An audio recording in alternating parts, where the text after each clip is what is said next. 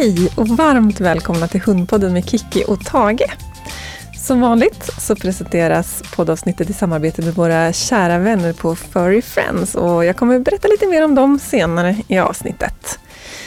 Med mig här i studion idag så har jag min kollega Cecilia Strömberg. Varmt välkommen hit! Tack så mycket! Dagens tema, det är ju vad ska man säga, vardagsplanering för hundlivet. Ja, precis. Så det blir lite lättare i vardagen. Liksom. Exakt. Och det är inte en slump att jag bjudit in just dig till det här. för i mina ögon så är du Queen of planering. Du är duktig på det här, tycker jag. Jag älskar att planera. och strukturera, organisera. Ni hör, det är rätt person att ha med i det här temat. Och jag tänker om man ringar in temat lite grann så tänker jag att det handlar ju om både att nå sina mål med träning. Jag tänker om man kanske ska vara med och tävla eller man vill lära sin hund någonting i vardagen eller vad man än vill åstadkomma med träning. Men jag tänker också att vi kan prata om hur man bara får saker gjort för att, alltså målet skulle kunna vara bara höja livskvaliteten för hunden och kanske för sig själv. Så det behöver inte vara att man har någon sådär tydligt uppsatta träningsmål utan bara handla om hur, hur hinner man med allt det där som man vill göra med sin hund och hur får man det gjort helt enkelt. Ja, hur får man det invävt i vardagen och bara så att det inte känns alltför övermäktigt och jobbigt. Ja. För blir det lite enklare om man väver in det i vardagen så blir det ofta liksom mer, men då blir det gjort istället. Ja. Och för de som har lyssnat på podden tidigare så har de ju redan hört dig prata om bland annat apportering. Ja. Eh, men jag tänker att vi kan ändå köra en liten kort presentation. Vem är du? Mm. Ja, Cecilia. Eh, jag är instruktör på Glada Jyckar och jobbar med Kiki. Och jag har en engelsk springer spaniel. Och jag tränar en hel del olika hundsporter, eh, mest för att det är kul. Jag tävlar mm. i rallylydnad men på, ja, jag är inte så att jag siktar på SM eller så, utan bara för att ha ja, men, lite mål och eh, träna mot. Mm. Och så en stor del ja, men, vardagslydnad, bara mm. för att ja, men, det ska funka i vardagen. Mm. Sen har jag ett annat jobb också, där jag jobbar väldigt mycket med just ja, men planering och strukturering. Jag är någonting som kallas för förvaltningsledare. Och då leder jag arbetet på ett företag kring, ja, men inom ett visst område och planerar liksom över året och leder arbetet då kring förvaltning av någonting. Det är lite tråkigt, behöver man inte prata om i en hundpodd. Men, Men en bra grund för det som vi ska prata om idag. Precis. Ja. Det är mycket av det som jag använder i det jobbet som jag också faktiskt plockar med mig i ja, men strukturering av vardagen i, i hundträningen också. Ja. Och jag tänker att du kommer säkert i det här avsnittet stå lite grann för den här delen av hur planerar man på ett bra sätt och eh, så medan jag själv kanske mer står för det här hur, hur får man det att bli gjort även om man inte älskar att planera. Så vi kanske kan komplettera varandra bra där. Jag tycker det är ganska kul med planering. Men eh, inte jättekul. Så att eh, jag fuskar mig gärna lite grann ibland genom vardagen. Ja, men jag är samtidigt lite lat också ibland. Ja. så jag måste också få till ett sätt så att det, ja, men att det faktiskt blir gjort. Inte göra mm. för... Ja, men det gäller liksom att sätta ribban lagom högt för sig själv också. Mm. Så att det faktiskt blir gjort. Mm. Vill du börja med liksom att säga, men hur tänker du i stort? Hur gör man? Vad gör man? Men för det första tycker jag man ska fundera på ja, men vad man har för mål. Och då mm. behöver det ju inte vara ja, men att man ska tävla i någonting. Det kan vara ja, men typ vad som helst. Om man tar till exempel gå fint i kopplet då är det så lätt att se den där chefen som går förbi på gatan där borta som går som jag menar, en gud bredvid matte, kanske till och med utan koppel. Eh, inte bryr sig om någonting annat eh, och bara går och kissar när matte säger varsågod. Och de där är ju så himla svårt att mäta sig med. Du kanske har en annan sorts hund som inte alls har den fallenheten eh, och dra sig till sin ägare på det där sättet, som kanske är lite mer intresserad av fåglar och dofter eller, eller vad mm. som helst. Mm. Och så får man också tänka på att ja, men, den där chefen som går där, den kanske är vet jag, sju år. Det är mm. sju års träning bakom det där. Mm. Det ska man inte mäta sig med, utan man ska verkligen sätta mål efter där man själv tycker, där mm. man själv vill vara och vad man har för förutsättningar själv och också hunden. Mm. Det tycker jag är jätteviktigt, att mer utgå från sig själv och sina behov än att titta så mycket på omgivningen. Och ja. Jag tycker just det här som du beskriver med när man blir imponerad av någon annan, mm. eller stressad av någon annan, eller vad man nu blir, mm. så tänker jag att jag själv blir aldrig imponerad av ett eh, vad ska man säga, slutresultat om jag inte har sett vägen dit. För att Ja. jag tycker också det är väldigt viktigt, och det kanske inte riktigt har med dagens tema att göra, men eh, jag tänker att eh, om de har kommit dit på en väg där hunden kanske inte har mått bra genom hela processen, Mm. vilket man tyvärr ofta ser. Okej, hunden är jättelydig, men den är det för att den inte vågar annat. Då blir jag Mm. faktiskt inte alls imponerad, utan Nej. då har jag hellre en hund som gläfser till ibland på promenaden som min gärna gör eller drar lite koppel ibland och en glad och lycklig hund. Så jag tänker att när man tänker på målbilden så kan ju en målbild vara att man får en glad och harmonisk hund. Eller en lydig hund. Mm. Eller kanske både och. Om man Ja. sätter ribban där. ja, men precis. Mm. Så målbilden är viktig. Ja, det tycker jag. Och sen då? Jo, då kan man ha sitt mål framför sig. Om vi tar som exempel min hund som är en engelsk springerspaniel. När jag började fundera på ja, men vad ska vara målbilden för att gå fint i kopplet till exempel. Då satte jag inte ribban efter den där chefen. För min hund är också då avlad för att gå i zigzagmönster med nosen i backen och leta efter fågel framför sin ägare. Mm. Så då insåg jag att nej, men han kommer aldrig gå som en staty bredvid mig, utan han, han kommer gå lite zigzag. Mm. Och då kände jag att nej, men jag lägger inte ribban så högt där. Jag tycker det är okej att han gör det. Mm. Och vill han gå ner och nosa i diket så har jag hellre ett längre koppel, så får han Mm. väl göra det. Liksom. Mm. Men han ska inte dra okynnesdra som en tok. Men dra lite grann kan han för gärna få göra. Så där satte jag min, eh, mitt mål. Och då får man då försöka hitta ja, men de här små sakerna på vägen. Och då började jag ju verkligen med, ja, men, i början, extremt enkla situationer eh, och belöna honom när han inte drog i kopplet. Mm. Så träna liksom på jättelätta, i lätta miljöer och på ja, men lätta övningar och sätta ribban jättelågt. Och sen då successivt försöka liksom ta sig framåt mot målet.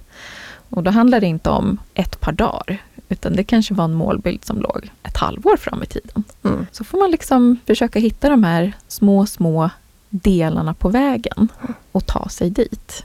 Det låter jättebra. Och jag brukar ofta prata om det här när det gäller träning överhuvudtaget. Att ja, sätta upp en målbild och så fundera på var står du idag? Ta det i lagom stora steg från nuläget till målet. Så det är ju precis det det handlar om egentligen. Mm. Och lagom stora steg, det är steg där hunden lyckas göra rätt och kan få belöning för rätt beteende och där man Ja. har rätt känsla i hunden, tänker Mm. jag också. Och i sig själv kanske. Mm. Så att man, man lyckas liksom och kan njuta av sina framsteg och njuter av de här delmålen också. Att man tänker Ja. på hur såg det ut för en månad sedan. Vi kanske inte har nått målet fullt ut, att hunden kan gå i koppel i alla situationer. Men eh, det kanske funkar i vissa situationer nu som inte funkade innan. Mm. Och då ska man njuta av det, tänker jag. Precis. Ja, viktigt att fira sina framgångar, även om de är pyttesmå. Och verkligen se framgångarna och inte det där som kanske inte gick så bra.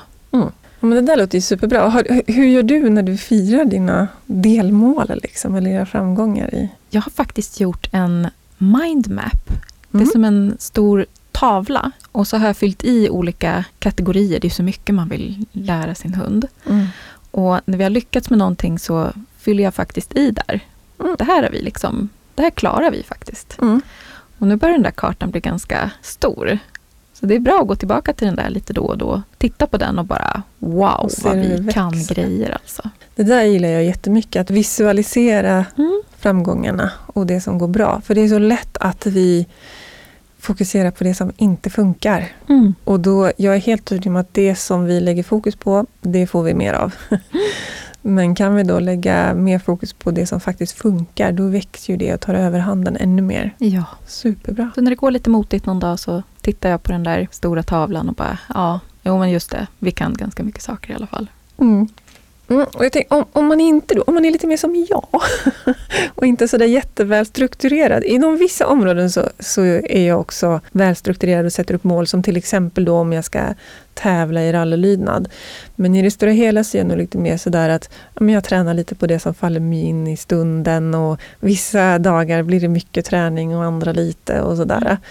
Men då tänker jag att det kan vara bra att hitta lite så vardagsrutiner eller vardagsstruktur som ändå gör att saker och ting blir av. Och, och då kanske det inte är för att man liksom har ett specifikt mål. Jag tänker mitt mål med den träningen är väl kanske i viss mån att Tage ska bli mer eh, vad ska man säga, följsam och, och lätthanterlig i vardagen.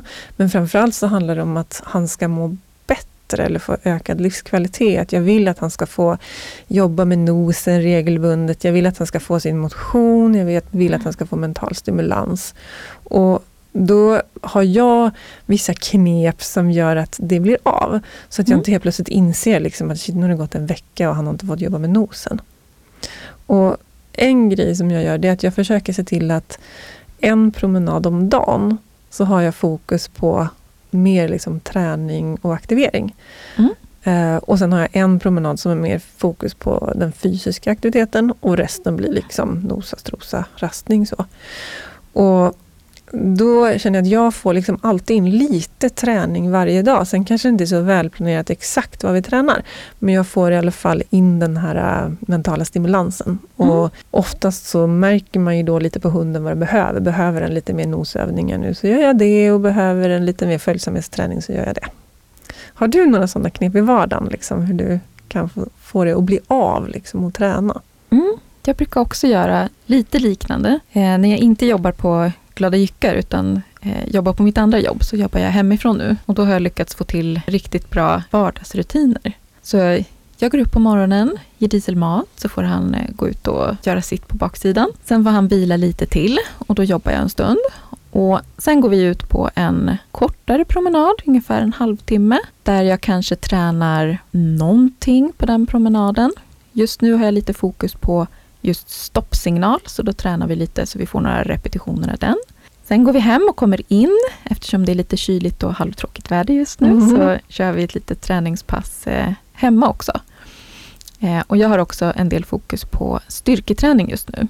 Så då får vi till lite styrketräning, kanske bara 10 minuter, en kvart. Sen sitter jag och jobbar och sen på lunchen så går vi på en sån här riktig nosa-strosa-promenad. Mm. Där vi bara liksom, ja men, myser och fokus på liksom att bara vara. Och sen får han lite nosaktivering när vi kommer hem. Antingen att jag gör mig lite godis eller att han får lite godis i sin snuffelmatta. Mm. Eh, så att vi får in lite nos där också. Eh, inte bara nos efter dofter utan faktiskt lite mer fokuserad nosaktivering. Mm. Och sen blir det också en aktivitet på, på kvällen. Och då kan det antingen vara lite träning eller bara en promenad. Mm. Så jag försöker liksom väva in i min egen vardag, precis som, ja men då, för att, så att det blir gjort. Mm. Lite så struktur på den. Och det är enkelt om man har ett strukturerat arbete kanske och då mm. är det enklare att få till det där kanske. Just det. Jag har ju väldigt oregelbundna arbetsdagar för jag mm. har ibland kurs på kvällen ja. och ibland privatträning på dagarna och ibland har jag bara administration och sådär. Så för min del så funkar det inte att ha så tydliga rutiner. Mm. Men uh, så där får man hitta någonting som funkar tänker jag. Eh, det hoppade upp ett mantra i mitt huvud mm. från en tidigare chef jag hade, han sa alltid, det är Nikes reklamslogan från början, ja. Just do it.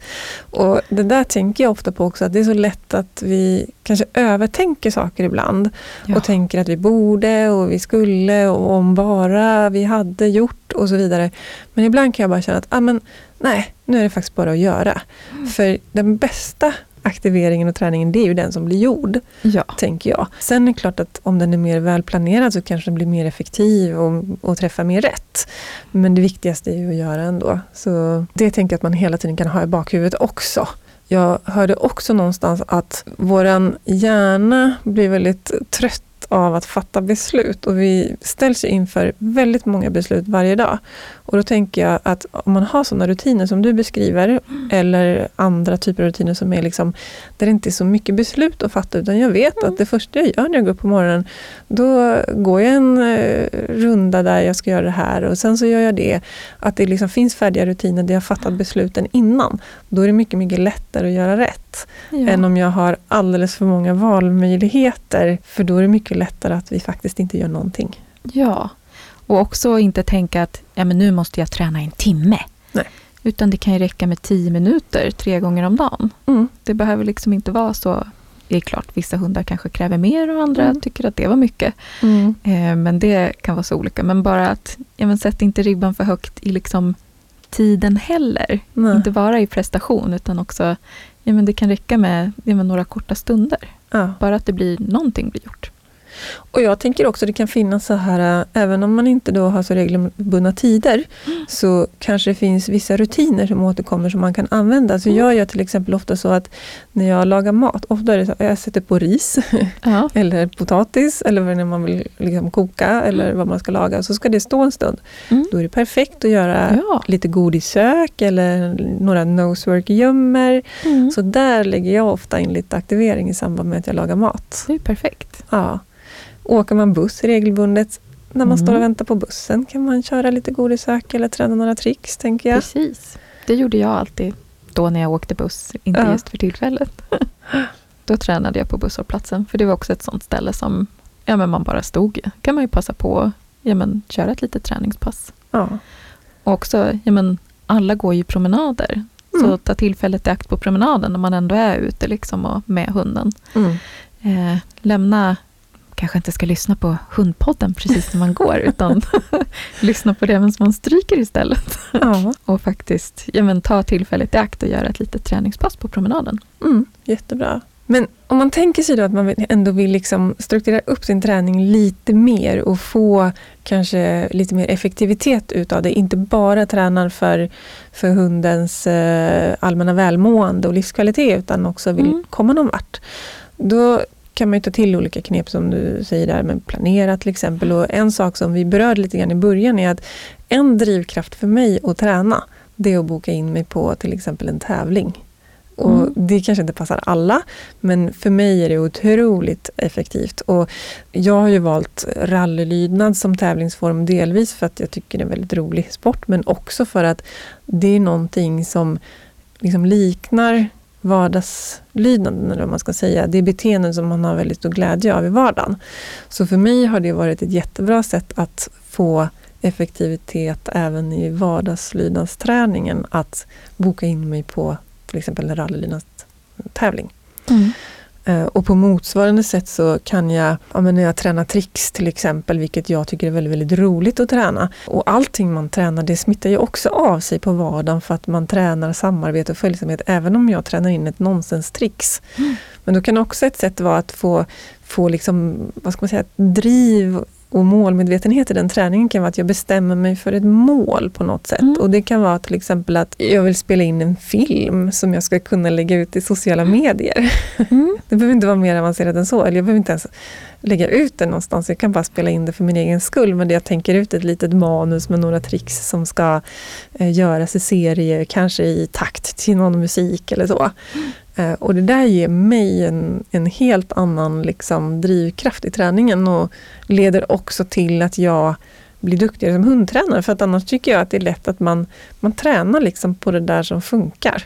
Mm. Och så det som inte riktigt funkar, då skiter man i det. Ja. Eller man, jag. jag funkar lätt så.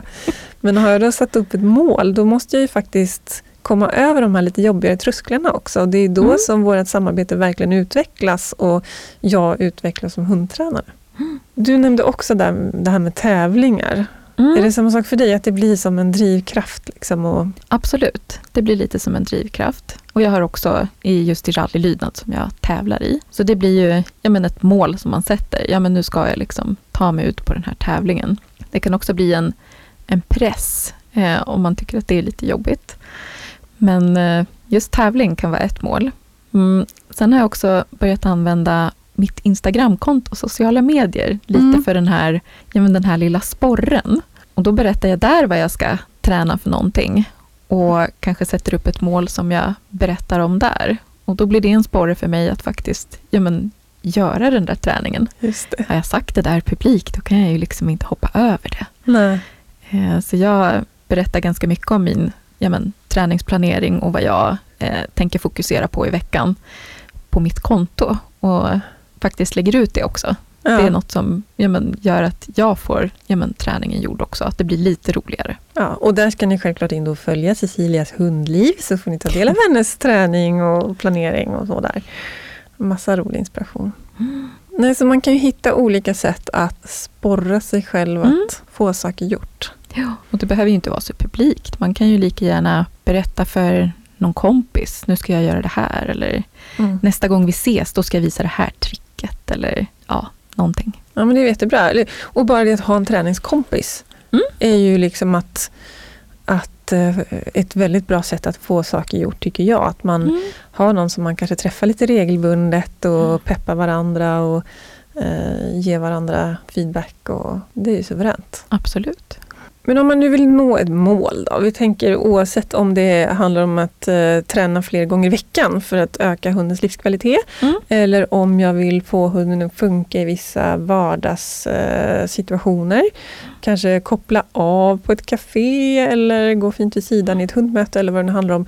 Eller om jag vill tävla och nå mål där. Jag tänker det finns ju lite olika hjälpmedel man kan ta. Jag, jag brukar till exempel, jag älskar Excel. Mm.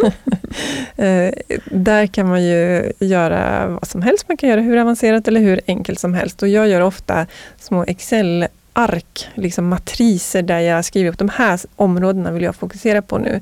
Och så ibland så kör jag att för varje dag så finns det en kolumn och så kryssar jag i vad jag har gjort på respektive område. Och bara det att jag skapar Excel-arket får mig att skärpa till mig. För att då vet jag att det ska liksom fyllas i någonstans. Mm. och så brukar jag ofta skriva ut Excel-arket och ha liggande på någon liksom synlig plats eller satt upp på kylskåpet eller någonting så att man ser det regelbundet. Och så sätter jag kryss när jag har gjort. Och för min del så behövs det inte mer än att jag bara kryssar i att jag har gjort det. Mm. eh, För att få drivkraften att göra. Jag behöver inte göra så jättemycket mer än det. Man skulle ju kunna göra hur avancerade modeller som helst och tala om hur gick träningen, vad ska jag förbättra till nästa gång och så vidare. Men bara det att jag dokumenterar att jag har gjort någonting blir liksom en drivkraft att göra mer för mig. Mm. Eh, Har du några liknande sådana liksom knep som du kör med? Det är lite olika också vad det är jag tränar för något. Men nu senast har jag fokuserat mycket på styrketräning för att bygga muskler efter en skada. Och då har jag också kört, inte Excel, utan jag har bara skrivit på ett papper. För jag har Mm. ett tiotal övningar som jag gör. Och också ja, men som en matris då med, med dagar. Så att jag ser vilka övningar jag gjort vilka dagar. Så att det inte bara blir samma Mm. övning hela tiden. Så att jag håller lite koll på hur spridningen ser ut i veckan och att det inte blir för mycket eller så. Mm. Och den kan jag också använda när jag ser att han, ja men nu blev han lite trött. Så kan jag gå tillbaka och kolla bara, ah, shit, jag gjorde ju de där övningarna jättekoncentrerat de där tre dagarna. Det där kanske inte var så bra. Mm. Så då får man omvärdera och bara, ja ah, men då vet jag, det där var för mycket. Mm. Då minskar jag ner lite på det. Så dels det, och det skulle man ju kunna använda ja, men bara för den här vardagen också. Mm. Ja, men ha en liten matris och bara skriva nosövning, balansövning. Mm. Ja, men så lite gör sådana faktiskt jag ofta också. Att jag har Mm. liksom det och jag har i mig lite från, jag är ju gammal hästtjej. Mm. Och där tyckte jag att man var mycket duktigare på att variera. Att så här, Mm. ena dagen så rider man ut, andra dagen så är det hoppning, sen är det dressyr, sen är det liksom så att man får lite varierad träning för hästen. När det gäller hundar så tror jag att det blir lite som det blir ofta. Om det inte är så att vi tränar väldigt målmedvetet. Men, men som allmänhet så, så kanske man inte tänker så mycket på det. Utan eh, man, man kör på och så blir det som det blir. Mm. Så där, där försöker jag också tänka liksom att jag vill att han ska få regelbundet något med nosen. Jag vill att han regelbundet ska få lite samarbetsövningar och så vidare. Och så vidare. Och så får man liksom en bra spridning på det. Mm. Sen finns det olika färdigtryckta böcker som man kan använda sig av eh, och planera sin träning. Så det är också ett sätt att få lite hjälp att strukturera. När jag har någonting specifikt som jag tränar, något speciellt moment, som just nu när jag håller på med stoppsignal, då blir det ju inte lika stor spridning, utan där får jag gå in lite mer på djupet och tänka, ja, men vad är det jag ska göra just nu? Mm. Mm. och fokusera lite på det. Och då kanske jag sätter något, ja, det är väldigt, inte jätteluddigt, men liksom lite halvluddigt mål för veckan. Bara, ja men nu ska jag göra den här övningen på den här nivån. Mm. Och så gör jag det. Och sen kanske i slutet av veckan bara funderar på, ja men hur gick det där nu liksom? Kan jag gå vidare till nästa steg eller inte? Och var det någonting som blev riktigt bra här i träningen som jag ska fokusera på och verkligen hylla mig själv? Ja men det där träningspasset i tisdags, det blev så jäkla bra. Mm. Då satte han sig ner jättesnabbt på min signal. Så kan jag ju fundera då lite på, ja men varför blev det så bra då? Så att man liksom försöker plocka med sig det, fira det. Och så kanske nästa vecka så funderar jag, jaha, hur ska jag ta det här vidare nu? Vad är nästa delmål? Så jag kanske inte sätter alla delmål från början, utan jag tar dem lite ja, men, efter, efterhand, liksom, när, man, när man vet hur fort det går och sådär. Mm. Så är jag också ofta när jag har liksom mer tydliga mål, som när jag ska tävla till exempel. Mm. Då gör jag ofta återigen mina Excel-ark. Ja. Men då bryter jag ner dem mycket mer i detalj. Mm. Då har jag kanske en rad för varje moment eller till och med delmoment. Att ofta så består ju liksom ett tävlingsmoment av flera små beståndsdelar. Mm. Och då bryter jag ner dem och sen så har jag ett lite mer avancerat system där jag inte bara kryssar i att jag tränat det utan då brukar jag skriva status kring det. Liksom, är det påbörjat eller inte? Och, mm. Eller ja, har jag kommit till den nivå jag vill? Liksom. Och så kan det vara ganska många moment som ingår så då får man liksom bättre koll på var man behöver lägga in krutet just nu. Mm. Och så sätter jag ofta ett mål då inför kommande period, om det är en vecka till exempel, där jag väljer ut några stycken områden och fokuserar extra mycket på och de mm. andra bara underhållstränar jag. Mm. Och så utvärderar i slutet av veckan. Om man kommer tillbaka till det här igen lite med att få in träningen i vardagen. Så en sak som jag verkligen gillar det är att se vad jag har omkring mig och inspireras av det i träningen. Att när jag går min promenad, se liksom, vad har jag omkring mig som jag kan använda för att träna. Mm. Det kan ju vara allt ifrån att när jag ser tre träd som står i rad så är det en slalombana. Då kan man ah. träna gå fint. Eller om jag ser en trappa, också perfekt. Träna gå fot vid sidan eller gå fint vid sidan. Följsamhetsträning. Det finns ju massor med olika saker i omgivningen som man liksom kan inspireras av. Eller om man kommer till ett torg med massor av folk. Det är perfekt för följsamhetsövningar och mm. fokusövningar där hunden ska gå in i att gå in i bubbla med mig och inte fokusera så mycket på omgivningen. Så att använda mig av liksom det jag ser omkring mig för att inspireras till träning, det tycker jag hjälper jättemycket för att få saker att bli av. Ja. Och slå på liksom den där blicken. Helt plötsligt så börjar man se hela omgivningen som en liksom, träningsbana. Träningsbana, exakt. Ja, och det om man håller på att träna med hundmöten.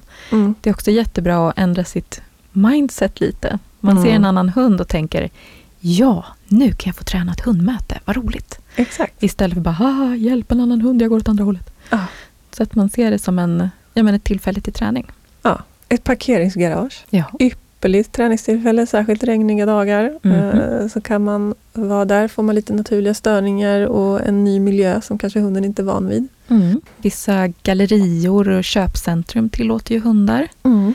Kan man ta, är det trist väder ute så kan man ta en kissrunda utanför och så går man in och tränar lite följsamhet och kontakt eller går fint vid sidan inne i köpcentrumet. Mm. Det kan vara spännande störningar. Mm. Sen, jag har ju ett ständigt återkommande träningsområde som är passivitetsträning. Det är inte Tages starkaste sida. Mm. Också beroende på att det inte är min starkaste sida att sitta still och göra ingenting. Yeah. och då, det är ju definitivt någonting man kan använda liksom vardagen till att träna då. Att när man har kommit en bit på väg i den träningen så kan man ju passa på att träffa sina vänner och sitta och fika och så kallar man mm. det för passivitetsträning. Då får man ju ja. verkligen in träningen i vardagen fast att man knappt märker att man gör det det. Precis. Jättebra. Mm. Ett annat sätt att få in träning i vardagen tänker jag är att man hela tiden funderar lite grann på vad vill min hund just nu och hur kan jag använda det för att förstärka önskvärda beteenden. Jag tänker till exempel, säg att min hund ska leka med en annan hund. Eh, jag träffar en kompis, kommer gående mot mig med sin hund och min hund blir jätteglad för den känner igen den här kompisen. Eh, och min hund blir superglad och kanske börjar gnälla, och hoppa och skutta för att den vill fram och leka. Om mm. jag i det läget släpper hunden hela vägen fram, då kommer det förstärka det hunden gjorde precis när den fick mm. chans att springa fram. Då kan man ju tänka att det där är ett gyllene träningstillfälle. Att okej, okay, min hund har fått syn på sin kompis och så kan jag be hunden göra någonting. Något beteende som jag vill förstärka. Det kan vara att sitta stilla och vänta eller ta ögonkontakt med mig eller gå fint vid sidan. Och när hunden gör det jag vill att den ska göra, då säger jag varsågod och hälsa. Och då blir det ett sätt att, att belöna det beteende som jag vill ha mer av. Och få in träningen verkligen i vardagen. Och jag tänkte, det finns ju mm. massor med sådana situationer. Det kan ju vara, vi ska gå ut på promenad och så kommer hunden springa ut i hallen och beroende på hur jag agerar så kan jag förstärka olika beteenden. Om hunden kastar sig mot dörren och kanske börjar krafsa för den vill ut och så öppnar jag dörren där och då. Då kommer jag förstärka krafsandet på dörren och så tror hunden att det är det som, som gör att dörren öppnar sig. Medan om jag istället står med handen på handtaget och väntar på att hunden lugnar sig, kanske sätter sig ner eller bara är stilla. Och där öppnar jag och säger varsågod, då är det det beteendet jag förstärker. Och jag tänker att ju mer vi får in i ryggmärgen att, att tänka liksom på hur kan jag använda det hunden vill just nu för att förstärka mm. det jag vill att den ska göra just nu. Desto mer får man ju in träning i vardagen utan att man ens tänker på det till slut. Ja, exakt. Och då får man ju verkligen en hund som utvecklas i den riktning som, som vi vill att de ska utvecklas. Ja, har verkligen tagit tillvara på de här små tillfällena. Mm. Som ja, men vissa kanske redan gör idag men inte tänker på att det är träning. Nej, exakt. Och andra, jag tänker har man, särskilt om man har en ung hund, men kanske överhuvudtaget, att passa på och belöna allt bra hunden gör i vardagen i situationer som den kanske hade kunnat göra någonting mindre bra. Du som har en fågelhund men kanske inte vill att han ska jaga fågel i tid och otid utan bara när, mm. när det är jakt. Ja, men då kan man ju passa på att belöna när de får syn på en fågel innan de hinner liksom dra iväg efter den. Eller jag som har en drivande jakthund som ska jaga hare enligt hans gener, så det sitter ju djupt rotat. Men från första början, så fort han har fått syn på en hare eller känt hardoft så har jag belönat honom innan han drar iväg. Mm. Bara för att liksom förstärka upp det som jag vill att han ska göra i de situationerna. Och om man är orolig för att det ska ta bort jaktlusten i en jakthund så behöver man inte oroa sig. För trots att jag har tränat jättemycket anti-jakt, eller om man nu ska kalla det jaktkontroll snarare, så funkar det alldeles utmärkt att jaga med honom när man väl är i jaktsituation. Så det handlar ju mer om att lära hunden att ja, men i de här situationerna så ska vi inte jaga hare eller fågel eller katt eller vad det nu är de vill jaga. Oh ja, det vet jag verkligen. jag har tränat jättemycket på att Diesel inte ska jaga fåglar. Ja. För när han var liten så var han helt manisk på fåglar och det går inte, han, det går inte att ha det så i vardagen Nej. hemma. Så i vardagssituationer här ja, men i hemmaområdet och när det gäller så här små fåglar och skator och ja, sådana fåglar som finns liksom i bostadsmiljö och kanske i naturen här runt Stockholm. Sådär. Mm. Det, det funkar liksom jättebra. Han bryr sig inte om dem längre.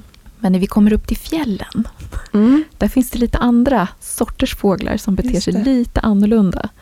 Så man skulle kunna jaga fjällfågel med diesel fortfarande, mm. om jag skulle få för mig det. Mm. Eh, för dem tycker han är jätteintressant. Så han gör verkligen skillnad på de där situationerna. Mm. Ja, det är häftigt att se mm. dem. Sen tänker jag så om man kommer tillbaka till det här med små enkla knep för att få saker att bli av. En vanlig post-it-lapp kan ja. vara väldigt användbar ibland. Jag tänker ofta lite så i fokusområden, att jag känner att men just nu så skulle vi behöva träna lite mer passivitet och nedvarvning till exempel.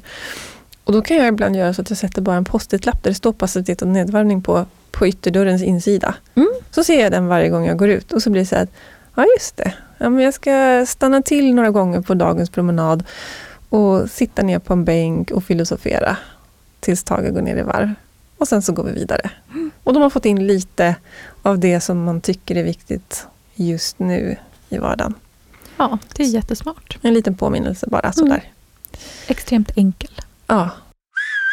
Nu tänkte jag att vi skulle prata lite grann om det godis som jag använder till Tage när vi tränar och som jag också har med i fickorna när jag håller kurs och privatlektioner, vilket brukar vara väldigt uppskattat.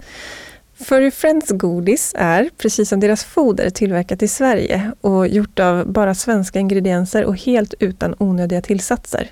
Det finns två olika sorter, biff och lamm och båda sorterna har inte mindre än 96% kötthalt. Och det som är så bra, det är att godiset är tillverkat av frystorkat kött, vilket lämpar sig bra även för känsliga hundar som till exempel Tage. Det har en hög kötthalt för att stimulera muskulaturen, prebiotika för friska tarmar och även antioxidanter från blåbär för ett ökat immunförsvar. Och nu kan jag och Tage ge er 25% rabatt på just Furry Friends hundgodis.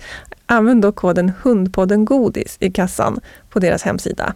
Och handlar du över 500 kronor, då får du också fri frakt. Och både jag och Tage kan verkligen, verkligen varmt rekommendera det här godiset. Tage älskar det och jag tycker det är jättebra för att det går att dela i små bitar. Så att man kan belöna många gånger. Tage skulle ju helst vilja ha en hel godisbit varje gång. Men eh, delar vi upp det så kan han ju få fler belöningar istället, vilket är bra när man tränar.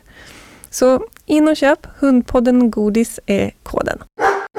Nu när Diesel har somnat så fint här vid våra fötter och ligger och snarkar Mm. så tänkte jag att det börjar bli dags att summera ihop lite grann vad vi har pratat om idag.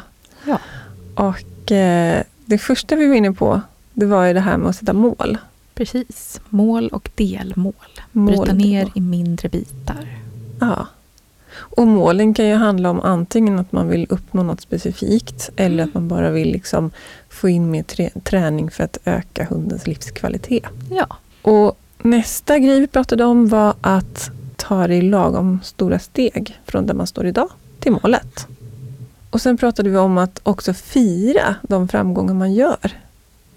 Exakt. Se det som det som är bra och verkligen lyfta upp det.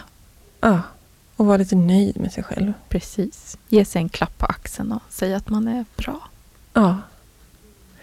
Och ett hjälpmedel både i det och själva planeringen kan ju vara att man har någon, något sätt att dokumentera på. Mm. Och då kan man göra det hur komplicerat man vill och hur enkelt man vill.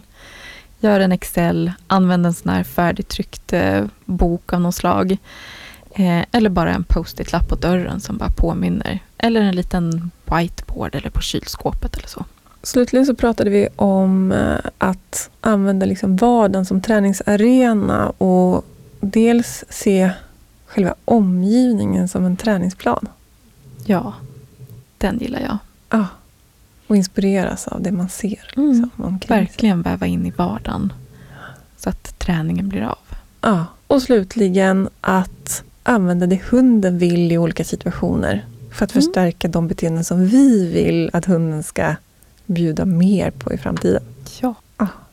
Och med det sagt så tänker jag att det viktigaste av allt är ju egentligen att göra någonting överhuvudtaget. Ja, och ha kul. Precis.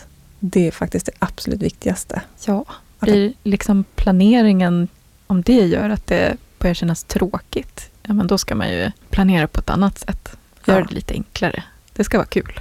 Härligt! Hoppas att ni som har lyssnat har fått några tips och råd som ni kan ta till er i vardagen.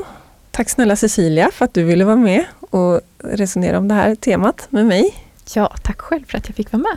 Och vill man följa dig i sociala medier så är det Cecilias hundliv. Ja, Vill man gå kurs hos dig så är det på gladajyckar.se man hittar dina kurser. precis. De är ju här i Bromma men eh, det kommer också mer efterhand online i form av föredrag och kurser. Ja, Och självklart så ska ni också följa Hundpoddens Instagram. Där får ni extra material kopplat till eh, de olika avsnitten. Det finns också information på hundpodden.se. Där hittar ni alla gamla avsnitt och extra material till dem. Och ni får också jättegärna följa mig på Kikki Fälstenius hundpsykolog på Facebook och Instagram. Tusen tack för att ni har lyssnat på Hundpodden med Kikki Fälstenius och Tage the Beagle och idag även med Cecilia Strömberg. Ha en underbar dag!